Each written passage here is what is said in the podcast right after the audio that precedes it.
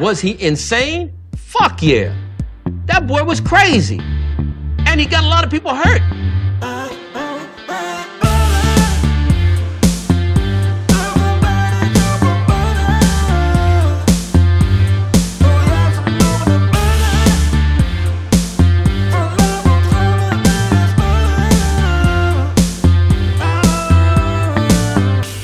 He doesn't like butter. I fucking love butter.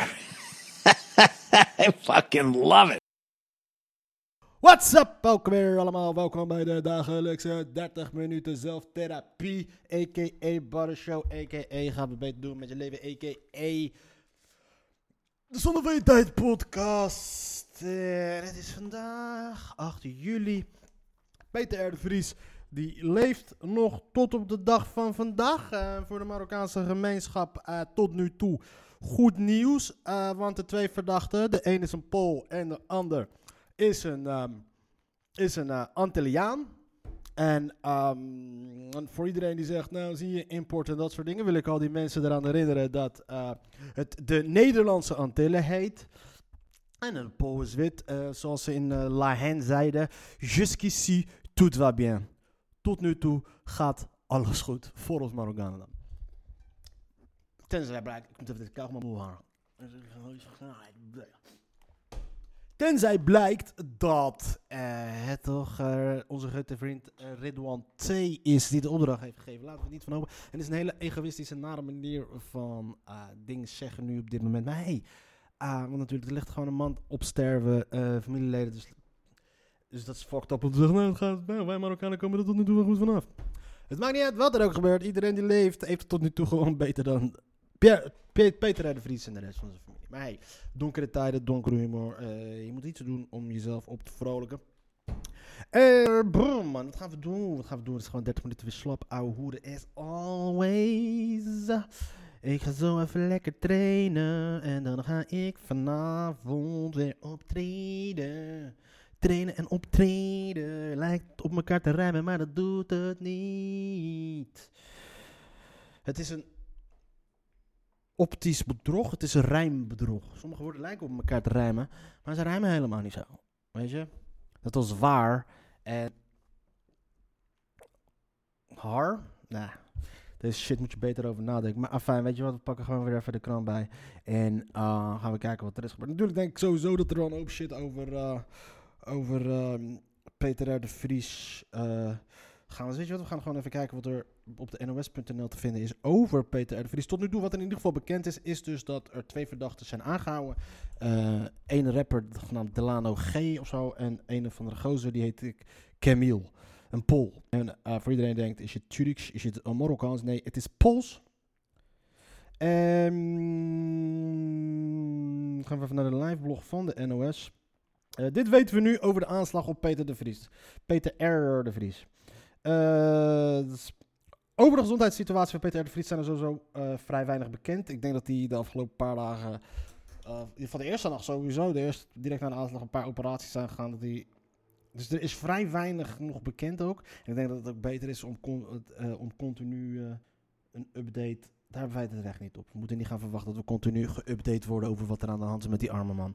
Weet je. En, ehm, Laten we hopen gewoon op een spoedig verstel. Kijk, er zitten op dit moment dus nog twee mensen vast. Eh, de belangrijkste feiten op dit moment zijn... eh, nou, Oké, het gebeurde dus half acht dinsdagavond op de Lange Leidse Dwarsstraat. De Vries was kort ervoor lopend. Hij is in de hoofd geraakt. De opnames van een bewakingscamera in de buurt zijn vijf schoten te horen. Het is best wel idioot trouwens om daar, om het midden in het hartje van Amsterdam, een, ehm, een aanslag te plegen. Er hangen daar zoveel camera's. Het is te idioot voor woorden.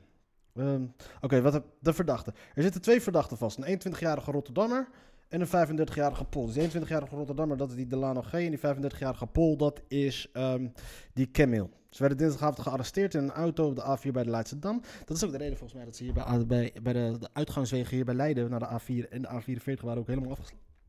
Ze worden verdacht van directe betrokkenheid bij het incident. Dus dat betekent waarschijnlijk de schutter en de gozer die is wegrijdt. Direct, planners. Een van hen is mogelijk de schutter, zei politiechef Frank Pauw dinsdagavond. Hij noemde de vluchtauto met twee inzittenden onze grootste lead op dit moment. Eh, de huiszoeking in Tiel. Er heeft geen weinig informatie over de verdachte. Het gaat om Delano G. en Camille E. Die allebei... Zou het Camille Eurling zijn? Hij die did smack his bitch. Camille Eurling, voormalig. Hij zit nu bij de KLM. Mij zat bij de KLM. Voormalig CDA-persoontje die eh, toen... eh oh, de pannenkoek. Oh, toen in 2012, toen de P van toen de CDA een congres hield met de vraag wel of niet eh, in de regering zitten met de gedoogconstructie met de PVV. Waren er een hoop mensen die dus daar gewoon op tegen was. Maar Camille Eurlings, die was het. Die was zo enthousiast. Die zat helemaal emotioneel in zijn shit. En salueerde daar toen de tijd. Ik weet niet hoe wie was het. Maxime Verhagen toen de tijd. Ik sta achter u, Maxime Verhagen. En al die shit. Motherfucker daarna. Hij slapt his bitch. Et cetera, et cetera. A fucking clown. Hij praat met een heel raar accent. Ik, denk, ik weet niet waar ik het kan plaatsen. Is het Limburgs? Is het, is het hoog bekakte Limburger? Een onderzoek volgens Pa ook gekeken naar de manier waarop de Vries werd beveiligd. Het is nog niet duidelijk of de schietincident zelf is vastgelegd op camerabeelden. Getuigen en andere omstanders die beelden hebben gemaakt met hun mobiele telefoons. Oké, is dat. En dan staat er nog verder een hele lijst met eh, reacties uh, ja, van Rutte. Oké, zijn reactie begrijp ik, maar nou, Willem-Alexander en dat soort shit. Maar ik snap bijvoorbeeld niet dat er een hoop reacties worden geplaatst. Bijvoorbeeld bij het AD staat er dan BN'ers reageren geschokt op de shit. Uh, al die reacties ook, al die tweets ook, die worden... Ik snap wel dat jij, als jij een bekend iemand bent en je tweet daarover wat je daarvan vindt, denk ik van oké. Maar het hoeft toch niet in het nieuws te komen dat bijvoorbeeld een, uh, uh, een, een, fractievoorzitter van Denken of een fractievoorzitter van D66 of van Partij van de Dieren of BBB tweet dat, het, um, dat ze het verschrikkelijk vinden en dat soort shit. Ik snap niet waarom dat in het nieuws komt. In principe, het nieuws is datgene wat afwijkt van, de van wat normaal is. En dat komt dan in het nieuws. Dus als, je, als een... Um, dus als een... Um, iemand, een bekend iemand, een politicus zegt... Hey, fuck Peter de Vries, lekker voor hem. Dat is nieuws. Maar niet het continu... Maar niet dat soort shit. Maar dat, kennelijk doen ze dat gewoon om die shit aan te vullen. Weet je, om, om, om, om, continu de mensen te blijven prikkelen. Blijven prikkelen. Weet je, oh, oh, wacht even. We hebben een andere tweet van. Uh, oh, wat zegt hij? Weet je, dan gaan we een soort van spanning kweken of zo. Gewoon de, de, de prikkels, prikkels, prikkels, prikkels, prikkels, prikkels, prikkels, prikkels, prikkels, prikkels, prikkels. En zo blijven glazen naar je televisie. En dat zeg ik niet omdat ik mensen de les wil lezen. Ik herken het aan mezelf. Want ik zat ook gewoon te kijken, oké, wat zou die hebben gezegd? Ik zat letterlijk te wachten tot op een van de... Ik zelf zat te wachten tot een of andere motherfucker zou gaan zeggen van... Yo, lekker voor die motherfucker. Het is jammer nu dat. Uh, jammer dat Joran van der Sloot nu geen Twitter heeft. ik zou me wel vragen hoe hij zich zou voelen. Hij zou dan bijvoorbeeld. Ik zou bijvoorbeeld uh, al die reacties van. Uh, de, de, de, reactie van Prutte, de koning, uh, Femke Halsema, logisch. Maar het kan me echt niks schelen wat, wat Wopke Hoekstra ervan vindt. Of wat heet dat de minister van uh, dit en zus uh, wat, wat vindt. Alleen de relevante mensen, van hun zou ik wel willen weten wat hun reactie is. En verder uh, zou, ben ik heel gewoon geïnteresseerd in de reacties van mensen die gewoon gekke shit gaan lopen roepen. En dat, in dat geval vind ik dat Joran van der Sloot geïnterviewd moet worden, worden. En wat zij ervan vinden. En geloof mij, die lijkenpikkers van mensen in de, in, de, in, de, in de media zullen daar als zo graag willen gaan doen. Maar wat ik voor het laatst heb begrepen, zit Joran van der Sloot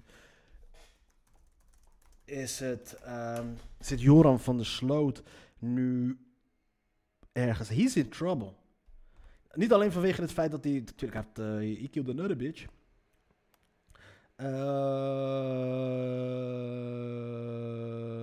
even kijken. Wat ik in ieder geval heb is dat hij weer problemen heeft. Want hij is weer veroordeeld vanwege drugssmokkel. Hij en zijn vrouw die hij daar heeft leren kennen.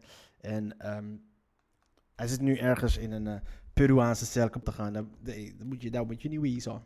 Maar in ieder geval. Dus uh, voor Joran, volgens mij wat ik laatst had gelezen, is dat hij in, in een isoleercel zat, verplaatst was naar een supergevaarlijke gevangenis en waar hij heeft lopen kloten en dat soort shit. En ik denk nu dat hij uh, de, het nieuws van uh, het feit dat Peter R. aan het vechten is voor zijn leven wel goed kan gebruiken op dit moment. Want ik denk dat hij zich daar wel, heel erg goed door zal gaan voelen. Maar ja, gunnen wij Joran van der Sloot goed nieuws? Ja of nee? Ik uh, zou het hem te oren zijn gekomen. Dat zou denk ik, zou dat, dat zou zijn verblijvende bias wel heel erg makkelijk maken. Precies wanneer zit hij trouwens vast?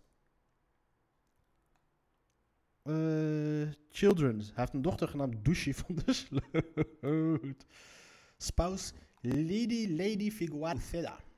Getrouwd in 2014. Even kijken, wat is er... Even kijken, even kijken, even kijken, even kijken, even kijken. The Murder of Stephanie Flores. Twen- 2010. Van de sleutelsite en crossing. Hij is opgepakt in 2010. Hij zit al 11 jaar vast. Ja, die komt nooit meer vrij. Volgens mij als hij klaar is in Peru, dan... Jezus, Ch- Chili is wel een heel lang land. Als hij klaar is als hij klaar is in... Is het in Chili of Peru? Peruvian bitch. Lima, Peru. En Peru, Peru. Als hij daar klaar is, wacht de FBI hem weer op. Dus... ehm ah, fijn, we pakken even die krantje erbij. De neergeschoten misdaadjournalist volgt woensdagavond dus een bloemenzee voor eh, de Fries nu op dit moment. Ehm, de Delta-variant is, is zich aan het uitbreiden als de motherfucker. Eh, we gaan even kijken wat we... Shit. Bloemenzee voor de Vries. En eh, ehm, dan gaan we kijken wat we ervan vinden. Zondebokken. Koninklijke paar boos en hulpeloos. Kijk, dat rijpt. Moordmakelaar zet onervaren schutters in. Aanslag past in patroon van de laatste jaren. Aanslag past in het patroon van de laatste jaren. Het vak huurmoordenaar wordt steeds minder professioneel. Ja, het is, geen, het is niet dat ze een deken van huurmoordenaars hebben of zo. Het niet, het is niet dat het een beschermd beroep is. Het zou het wel moeten zijn. Ik denk dat we oprecht een ehm, huurmoordenaarsvakbond moeten oprichten. Zodat we ervoor kunnen zorgen dat het wel goed wordt uitgevoerd. En dat er niet onschuldige mensen doodgaan. Snap je? Het is niet dat wij het moeten doen als maatschappij, maar ik denk dat criminelen dat eventueel moeten doen. Want dat is wel hoe het vroeger ging met de, met de maffia. Die had een, eh, gewoon een aparte tak. En dat was de Murder Zinc. Dat was gewoon een groepje mensen die gewoon gespecialiseerd was in het koud maken van mensen. En ik denk dat je best wel veel mensen kan vinden die dat zouden willen, willen vinden. Snap je? Een huurmoordenaarsvakbond. En dan... ehm, die ook kunnen gewoon kunnen be, dat kunnen handelen met eh, de werkgeversorganisaties. Over van, joh, luister, eh 5000 euro en dat soort shit. Moet ik mijn eigen vluchtauto's regelen en dat soort dingen. En eh, moet ik zelf gaan tanken en dat soort dingen. Kijk, dat zijn wel allemaal kosten die ik maak. Nu mag ik ze niet declareren. Ik wil graag, snap je, dat soort dingen. Het vak huurmoordenaar wordt steeds minder professioneel. In plaats van het inhuren van een dure hitman uit het buitenland, worden slecht opgeleide jongeren met een zwak ontwikkeld geweten van de straat geplukt. Dus in principe moet er eigenlijk ook een huurmoordenaarsopleiding komen.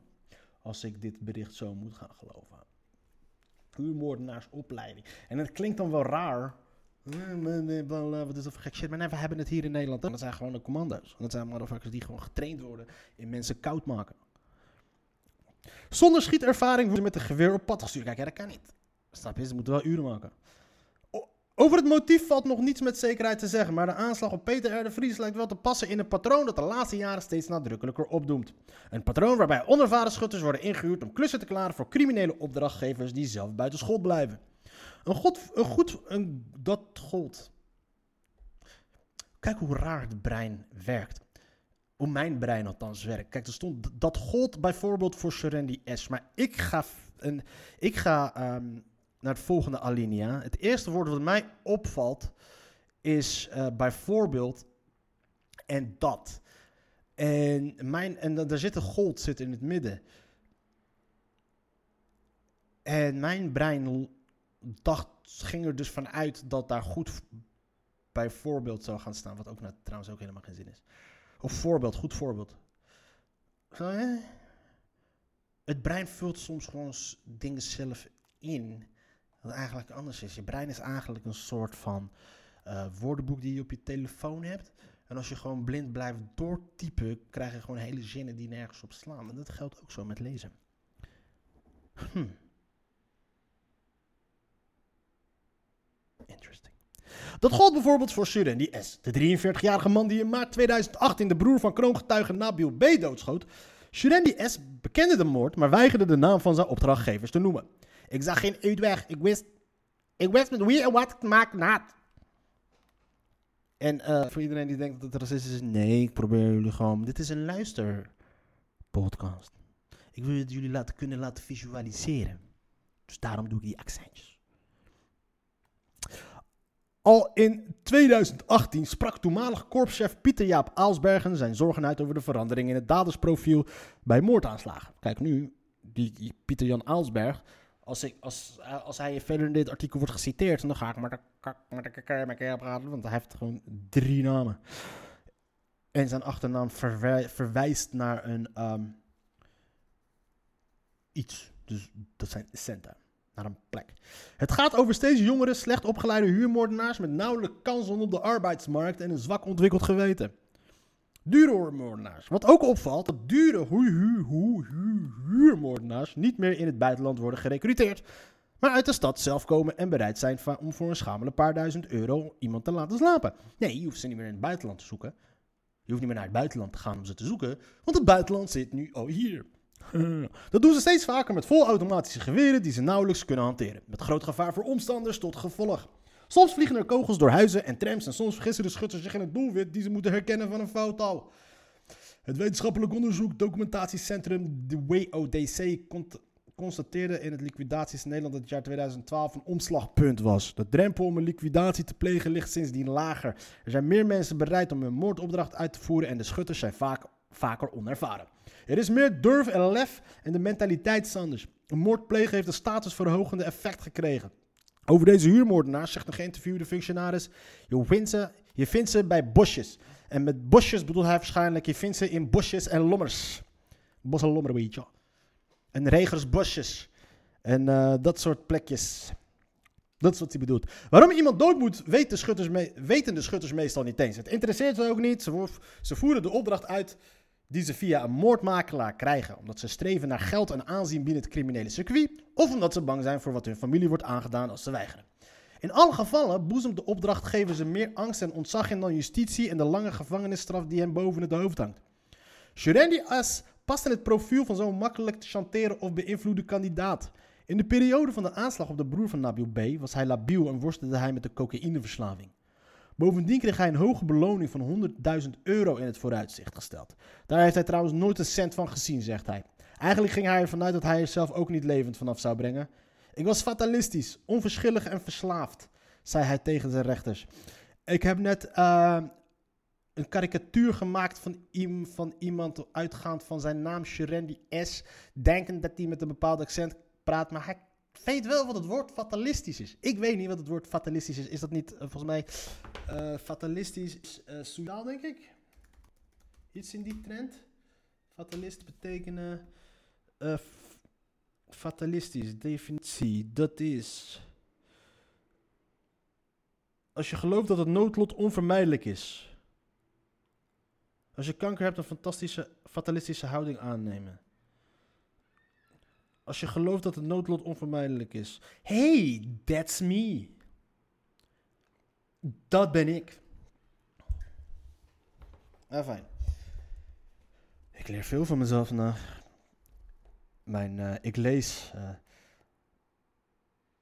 zoals ik eh, schrijf op WhatsApp, namelijk met een eh, vooringevuld woordenboek. En ik ben fatalistisch.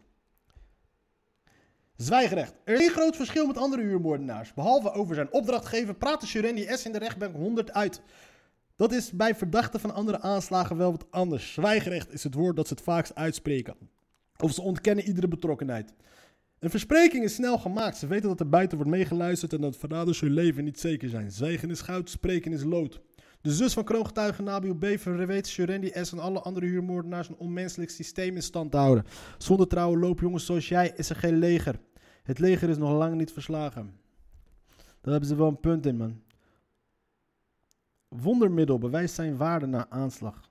Snelle aanhouden te danken aan automatische kentekenplaatherkenning. Dat is de wereld waarin we leven nu, in principe. Eh, goed zo toch? Ehm, georganiseerde misdaad is opnieuw een thema. Iedereen zet zich schrap, want wie is de volgende? Psycholoog 42 keer in de fout. Oké, wat heeft deze motherfucker nou weer gedaan? Het Dijklander ziekenhuis in Purmerend. Door fouten bij de neurologische gezondheidszorg. Ja, oké, fouten, fout. Koning, prinsessen laten zich vaccineren. Oké, ik zie een foto van het koninklijke gezin. hey, die, eh, die tweede dochter, Alexia? Hey, dat gaat een lekker waar worden. Ik weet dat Schimmelpenning hiermee in de problemen is gekomen. Maar gelukkig heb ik niet zoveel luisteraars als Penning. Nederland heeft met ons goud. Gooi dat niet weg. Oh ja, de boeren waren gisteren trouwens ook aan het demonstreren. En wat is er gisteren gebeurd? Er is iets fantastisch gebeurd. Thierry Baudet is boos. Thierry Baudet was dus ook bij de boerenprotesten op het Malieveld. En hij ging daar... ehm, hij ging daar op een hoge werker staan of zo. En dan ging hij omhoog en dan kon hij naar mensen zwaaien en dat soort shit. Maar die mensen, die organisatoren van dat, eh, van dat ding, vonden dat niet cool. Want kennelijk hoogwerkers zijn best wel gevaarlijk. Eh, niet iedereen mag zo'n ding besturen. En als je op zo'n ding staat, moet je dus ook eh, aan bepaalde regels houden. En kennelijk blijkt dus dat Thierry Baudet zich niet aan die regels heeft gehouden. De, vraag is min of meer of die persoon die dat dit ding heeft gehanteerd eh, dat wel mocht doen. En die mensen vonden dat dus niet leuk. En toen zeiden ze tegen hem, yo, eh, sorry, maar het is echt niet cool wat je hebt gedaan. We willen niet meer dat je spreekt. Ze had hem zelf uitgenodigd om te spreken trouwens. En toen werd hij boos. En toen, Thierry Baudet trouwens heeft gewoon een snoeroe. Heeft gewoon een snoeroe. Had een pet op en een snor. Gewoon Magnum PI slash. Oké, we gaan even opzoeken wat die eh Baudet boerenprotest. Dat was fucking hilarisch. Eh, Baudet Baudet is geschot. Yo, die Tory wordt dus geschot. Baudet? We gaan hem even zoeken, man. Baudet. Thierry Baudet. Hij heeft gewoon een fucking dikke snoer nu. Hij is helemaal wekko. Het plaatje is gewoon helemaal compleet met Thierry Baudet. Het plaatje is compleet. Baudet heeft een snoer.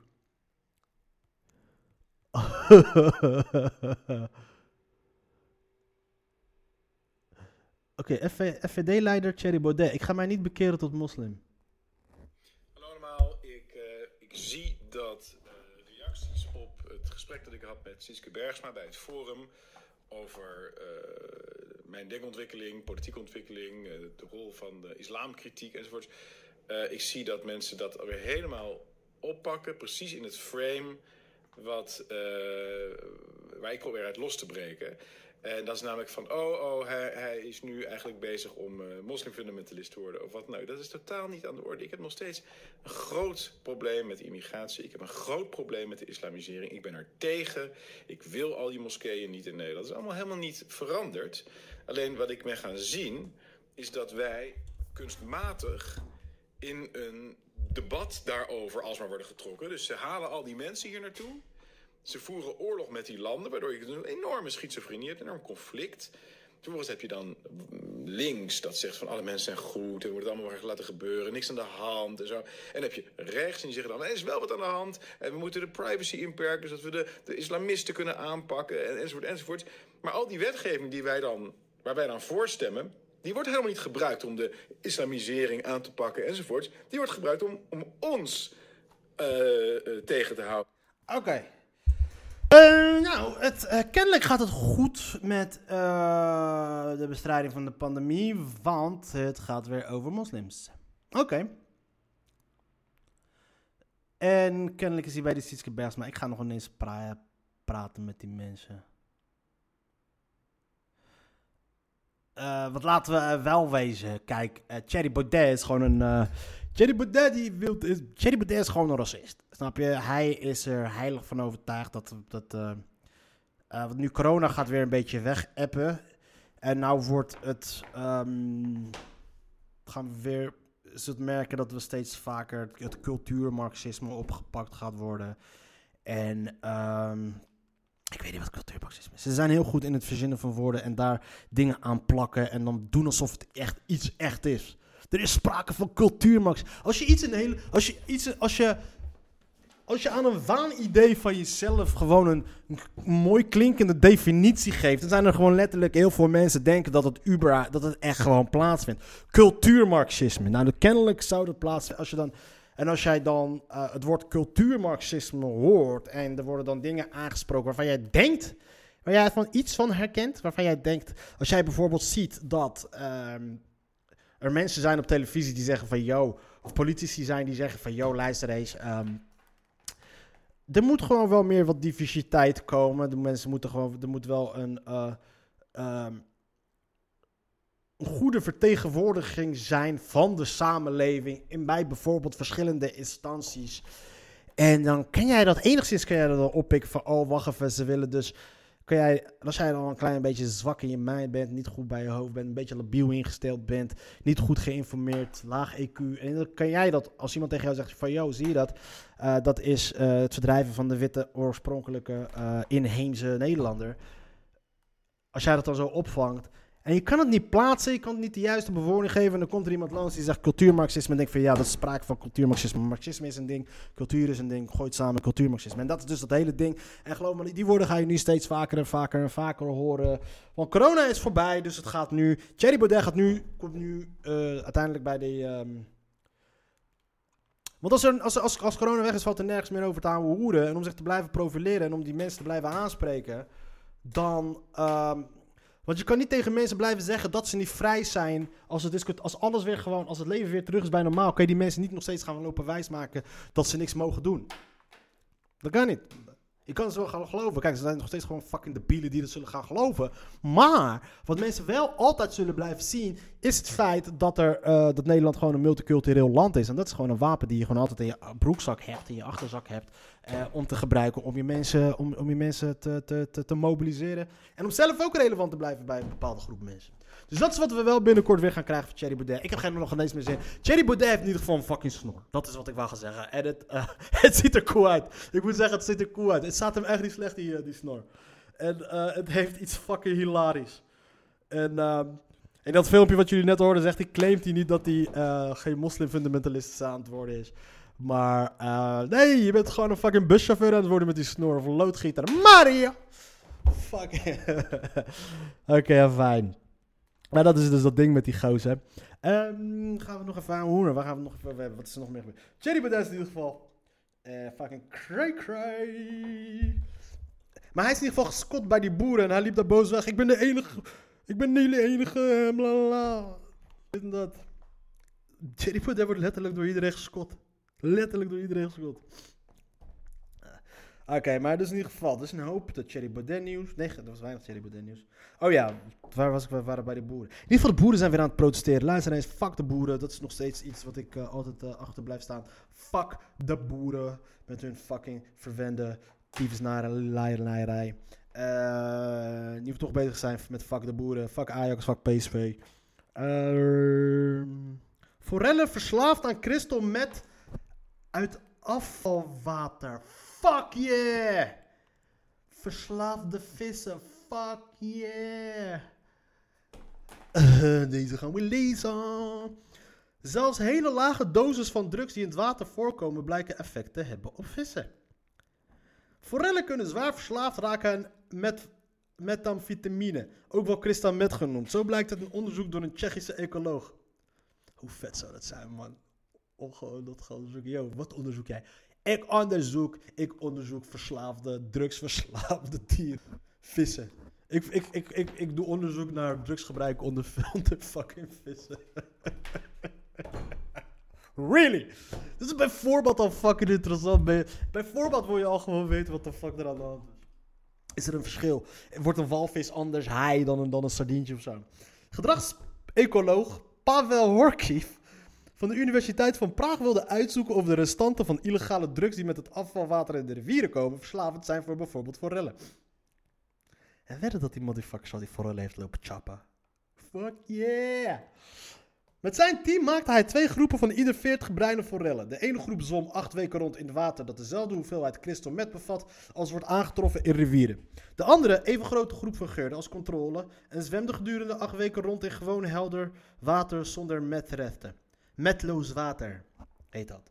Daarna werden beide groepen in nieuwe tanks geplaatst en kregen ze elke dag de keuze rond te zwemmen in schoon water of in water dat kristal met bevatte. De groep die acht weken had rondgezwommen in metwater had duidelijk last van ontwenningsverschijnselen en zocht gedurende de eerste vier dagen verlichting van hun afkiksverschijnselen door de afslag richting het crystal te nemen. Dit is zo herkenbaar. De niet-verslaafde groep bleek dat niet te doen. De verslaafde forellen waren ook minder actief en sporen van, en sporen van de methamphetamine bleken tot 10 dagen na blootstelling aan de drugs nog voor te komen in hun hersenen. De onderzoekers concludeerden dat zelfs laag doses van drugs die in het water voorkomen effect hebben op vissen. Nou, als dit geen fucking goede reclame is voor methamphetamine, dan weet ik het de fuck ook niet. Methamphetamine is zo fucking goed dat zelfs vissen erin verslaafd raken. Iedereen wil het hebben. Zelfs fucking... Oh, fucking, fucking shit. Crystal meth komt via... Oké, ik heb per ongeluk dat artikeltje weggezet. Afijn. Afijn, afijn, afijn, afijn. Crystal meth komt via de ontlasting in het rivierwater terecht, omdat het niet uit het rioolwater gefilterd kan worden. Stel je voor, die motherfuckers worden al high van nog ineens de pure shit. Van een klein beetje. Dus zelfs met amfetamine, wat, wat al door het hele systeem is verwerkt en via de sanka naar buiten is gekomen, via de ontlasting, zelfs dat maakt je high. Zo goed is met een, met een vitamine. Crystal meth is gewoon een hele goede drugs. En dit is het bewijs van. Wie zou deze. Wie zou deze. Uh, ik denk dat de, de, de, de, de Mexicaanse kartels hebben deze. Hebben, hebben deze. Hebben dit onderzoek gewoon gefinancierd. Ik denk dat dat ook gewoon het beste is. Ridwan Taghi, als je er gewoon slim was geweest. Weet je, de volgende Mokro Mafia. Investeer gewoon geld in de studie van uh, effect van konijnen van uh, cocaïne op konijnen. De kokonijnen. Coca-cocanijnen. het gevaar is dat verslaafde... Kijk, kijk. Crystal komt via de menselijke ontlasting, dus in het rivierwater. Vissen zijn gevoelig voor de negatieve effecten van een grote hoeveelheid neurologische actieve stoffen, variërend van alcohol tot cocaïne, en kunnen dus verslaafd raken op dezelfde manier waarop mensen verslaafd kunnen worden. Oh, dus Horky. Dus kennelijk uh, zijn er ook mensen die dus al onderzoek hebben gedaan met alcohol en cocaïne op vissen. Fucking hell yeah. Hoe fucking vet is dat om te zeggen van, yo, ik doe onderzoek naar, uh, ik doe onderzoek naar het effect van cocaïne op, uh, op uh, konijnen. Dus wat ik nodig heb is 12 kilo cocaïne. Ja, graag. 12 kilo cocaïne heb ik nodig voor mijn onderzoek. Anders gaat deze shit... Ik zeg 12 kilo... En dan krijg je 12 kilo cocaïne. het gevaar is dat verslaafde vissen niet meer in dezelfde mate als niet verslaafde vissen toekomen aan hun gewone dagtaken, zoals eten en reproduceren. Met als gevolg dat de kwaliteit van de vis dat nog holt. Dus het probleem met amfetamine is, dat het de, de, de agenda van de vissen opfokt. Kennelijk zijn vissen net zo autistisch ingesteld dat ze gewoon echt een fucking strak schema aanhouden. Vissen houden dus kennelijk gewoon een fucking strak schema aan waarin ze zich gaan houden. En drugs fuck dat op. ah, fijn, dit is fucking dope shit, man. Hey, dames en heren, dit was het voor vandaag. Ik spreek jullie snel. Peace, love and happiness and keep it cool, cool, cool.